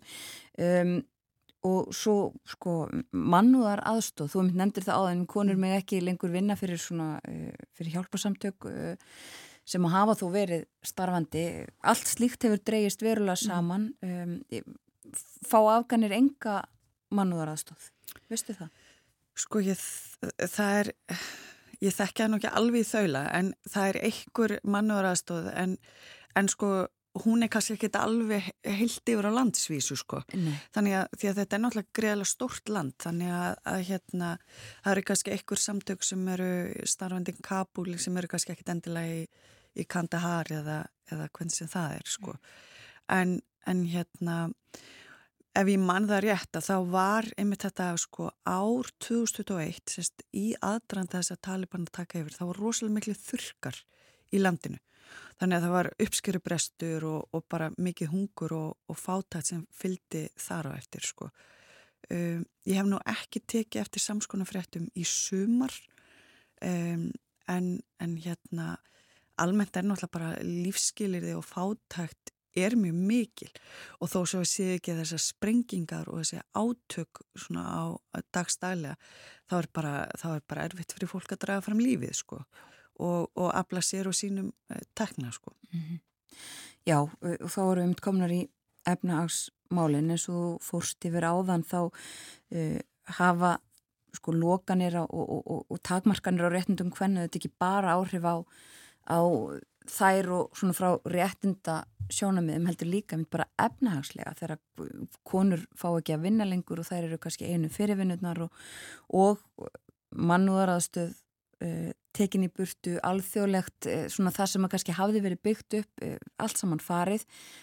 Efnahagurinn er í rúst mm, Já, og það er líka sko bara að, að þegar að fólk á ekki já, í sig og á eitthvað neinn þá þurfa margir bara að grípa til örð þrif að ráða eins og að selja börni sín og eins og að selja úr sér líffæri. Um, þannig að, að sko alls konar svona uh, já uppákomur eða sérst vandamál hafa náttúrulega bara aukist. Og, og það var að tala um það ég mann fljótlega eftir að Talibana tóku yfir og öll, öll þessi eh, hungursneið og fátækt blossaði upp aðna að, að þú veist tíðinni barnahjónabandi eða það sem er ung, ungar stúlkur eru giftar eh, eldri einstaklingum, þú veist það jógst Já. og það kemur náttúrulega bara til út af því að fóreldrar þurfa að kaupa mat handa hinnum í fjölskyldunni og svo er náttúrulega annað sem að sko e, er, er náttúrulega já, undirlegjandi að, að bara í gegnum öll þessi átaka ár og, og allt þetta mannfall og svona í gegnum tíð og tíma að þá eru til dæmis fjölmarkar ekkjur og, og hvernig það er að sjá fyrir fjölskyldi sinni ef það er til meins ekki kallmar á heimilinu? Og um, það er svona já það eru, eru svo margir vinglar á þessu og það er svo, það er svo margt sem að fólk þarf að kljást við um, já, ímsum sviðum. Já. Og það er svona svo litið verið að fjalla um þessi mál núna ég mitt á þessum tímamótum að það eru tvö ár liðin en, en svona í alþjóðasamfélaginu í uh, svona alþjóðasamtökum og, og stopnunum er einhverja einhver umræð, er einhver að reyna að finna einhverja leiðir til þess að hjálpa Afganistan? Eh, sko ég skal ekki segja, það, það er eflust, ég vona það, ég vona að það sé eitthvað, eitthvað, samtal eitthvað staðar sem er að eiga sér stað. Svo er líka bara svolítið misamt svona, hvað ég segja, tengingar landana við Afganistan. Til dæmis nú veit ég að Þískaland hefur verið frekar hérna upplugt í að taka móti afgansku flótamönnum sem dæmi. Um, ég nú bara að lesa síðast frettir að því í morgun að það eru ennþá fjöldin allur af afgönum strandar hist og her sem býða þess að fá afgriðslu á sérst, uh, grænakortinu eða sérst, leifi til bandaríkjana. Mm. Það er ennþá bara í prósess. Það eru ennþá afganir sem búa á hótelum í Albaníu sem voru sko fluttir í loftbrúni eftir hérna, e, fallansins sem eru að býða eftir að bara fá úrlösna sinna mála. Þannig að það er sko, þú veist, e, svona, sumpartin finnst mér ára öll síðan það gerðist en svo er þetta ótrúlega nærri okkur og sérstaklega ef maður hugsar að það er rosa margt fólk sem hefur ekki enþá fengið úrlöst sína mála. Var líka fréttum á tímbili að, að hérna, það voru afganir að, að missa húsnæði sitt í Breitlandi sem voru komist inn í Breitland og, og hérna, yfirvildi alltaf að fara að henda þeim á göttuna. Þannig að hérna að sko, ég held að þetta sé aðeins misamt svona millir landa, þú veist, það, það er ákveðin dialogur eða umræðir sem á þessi staði Breitlandi sem er kannski ekki nákvæmlega sama á þessi staði Bandaríkjón mm. þannig að, að hérna, en, en hvað varðar svona heilt yfir stöðun í Afganistan um, já, þá, þá bara vonandi fyrir eitthvað að gerast í þeim efnum, sko. Já, ef við talandum Breitland þá uh, sá ég það ekki að Gordon Brown fyrirverandi fósittisráð þeirra Breitlands, hann, hann er svona sérstakur e- erindri ekki saminuð er í mentamálum uh, hann hefur látið sér þessi mál varða og, og verið svolítið að vekja aðteglaðus í Breitlandi og, og uh, núna eiginlega á þessum tímamótum uh, laðan það til að talibanar eru sóttu til saka fyrir glæpi gegn mannkinni fyrir já. það hvernig þeir koma fram já, einmitt. Heldur að það hvað áhrif heldur að slíkt myndi hafa ef það er þið nú gert? Já, sko, þá þá er það líka bara spurningin, sko. Uh, jú, ef við myndum sækja á til saka fyrir glæpi gegn mannkynni, ég menna, náum við þeim yfir höfu til þess að mæta í réttarsal. Uh, ég veit það ekki. Nei. Ég bara, minnst, ég sé það ekki alveg fyrir mér, en, en hérna, en það hefur náttúrulega ýmislegt gerst á þessum tveimur árið síðan þetta gerist, þannig að hvað veit maður? Ég held að tíminu verða að leiða það í ljós, sko. Já það væri kannski takkrænt þetta frekar en eitthvað annað að Já. gera slíkt. En það er aðtilsvært á nefnum Breitland vegna þess að það kom út í sumar, þá syndi Channel 4 þryggja, heimildamindi í þremur hlutum um semst þetta, þessa loftbrú sem að breytar tóku þátt í. Og uh, ég hef nú ekki þetta en ég, ég byrjaði að horfa á ykkur svona smá hluta ár fyrsta þætti og þar eru bara sérst, hermenni í, í breska hernum sem koma að þessum aðgerðum sem eru að greina frá sinni upplifun sem að er í rauninni algjörlega sérstakt um, að þau gerir það. Og, og sem er mjög aðtillisvert og þannig að það er svona, það er ákveðu uppgjör sem að er hafið í Breitlandi í tengslu við þessa loftbrú og, og bara hvernig breytar fóru frá Afganistan. Þannig að kannski hefur sjá samskonan fréttir frá fleiri löndum, ég veit það ekki. Já, og svo þetta e, lítur að sko bara, lítur að vera svolítið erfitt fyrir marga sem að hafa komið að þessu málum svo þegar að e, og þá meina ég bara á heimsísu þegar að svo átökjum brjótast út í, í Úkræni eða innrásin hefst þar mm -hmm. um, þá er flækustíð minna við það að taka við fólki þaðan? Já, það, hérna, það er mjög gleðilegt að við höfum staðið okkur svona vel í að taka máti fólki frá Úgræni og ég bara segi það alveg, alveg óhugað sko. En það hefur líka kent okkur hvers við erum megnug og, og ég held uh, að uh, þú veist, ég vona að við munum læra af þessu mm. og gera betur svona e, í framtíðinni sko. En eins og með þetta að, að, að sko, það er ennþá, vandin er ennþá til staðar og það er ennþá fólk í, í eitthvað skona limbói hist og her um heiminn sem er að býða eftir úrlöst sinna mála og, og maður kannski spyr sig, þú veist, getur við gert meira þar? Já. Getur við tekið á móti fleiri afgjörnum? Í það minnst að opna það á meiri fjölskyldu saminningu eða eitthvað þess, þess mm. Og svo þetta miljónirnar sem að e, búa við mjög erfið skilirði í Afganistan og komast hvorki landnistrum. Og svo er það náttúrulega líka óneittalega að bara staðrænda það er rosalega margt fólk farið frá landinu sem að, já, þú veist, er með mentun, þekkingu, reynslu, þú veist, og vann kannski í ráðunitum eða í fjölmjölum eða hvað er, mm -hmm. þetta fólk er farið og, og hérna, þú veist, hverjir eru þá aðstæður fólk sem eftir er til þess að byggja upp landið á ný, ég veit það ekki en það eru mjög erfiðar. Já. Segjum þetta gott. Kærar þakkir fyrir að koma til okkar á morgunvaktina. Já, takk fyrir búið. Og uh, töluðum svo litið um Þískaland. Vorum við þetta áðan með Artur Björgum Bodlason hérna með okkur uh, og svo uh, eins og Brynnitur kom inn á þá hafa þjóðverjar tekið þátt voru bæði auðvitað í herliðinu í Afganistanin hafa tekið á móti mörgum flótamönnum þaðan síðan förum aftur til Þýskalands og leikum lægið sem við náðum ekki að leika e, í kjölfarið á spjallinu við Artur. Hildegard Knef syngur.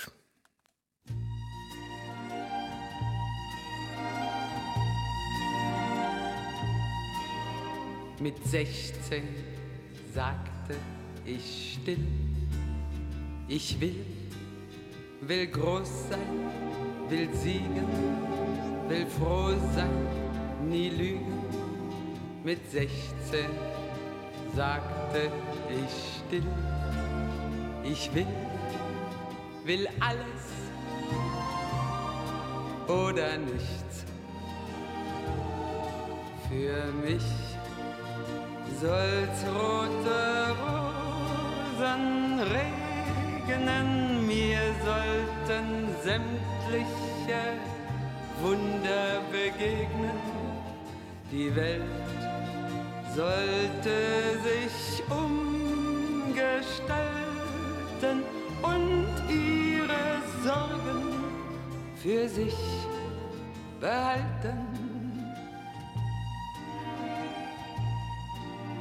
Und später sagte ich noch, ich möchte verstehen, viel sehen, erfahren, bewahren und später sagte ich noch, ich möchte nicht allein sein und doch frei sein. Für mich soll's rote Rosen regnen, mir sollten sämtliche Wunder begegnen, das Glück sollte sich sanft verhalten, es soll mein Schicksal mit Liebe verwalten. Und heute sage ich still, ich sollte mich fügen, begnügen. Ich kann mich nicht fügen, kann mich nicht begnügen will immer noch siegen, will alles oder nichts.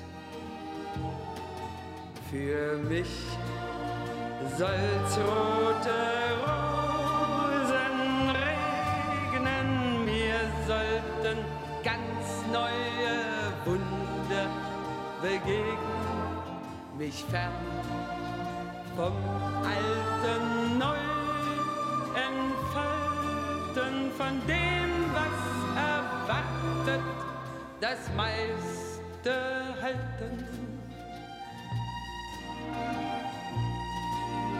Ich will, ich will. Ljúir þýskir tónar hér í lok morgumattarinnar þennan morgunin Hildegard nef söngum Rauða rósir. Já, þetta var vist lægið sem Angela Merkel valdi að heyra þegar hún var kvött af þýska hernum, sagði Artúr Björgum Bóllarsson okkur. En uh, þetta var síðasta lægið, uh, síðasta atriðið bara á morgunvaktinni í dag. Þessu er að ljúka hjá okkur. Já, klukkan alveg að verða nýju. Við höfum verið hér frá því fyrir klukkan 7 í morgun og verðum það líka í fyrramálið. Þá ætlum við að ræða meðal annars um dönskmálefni og uh, sitt hvað fleira. Við vonum að þið njóti dagsins. Takk um samfélgina í dag. Verðið sæl.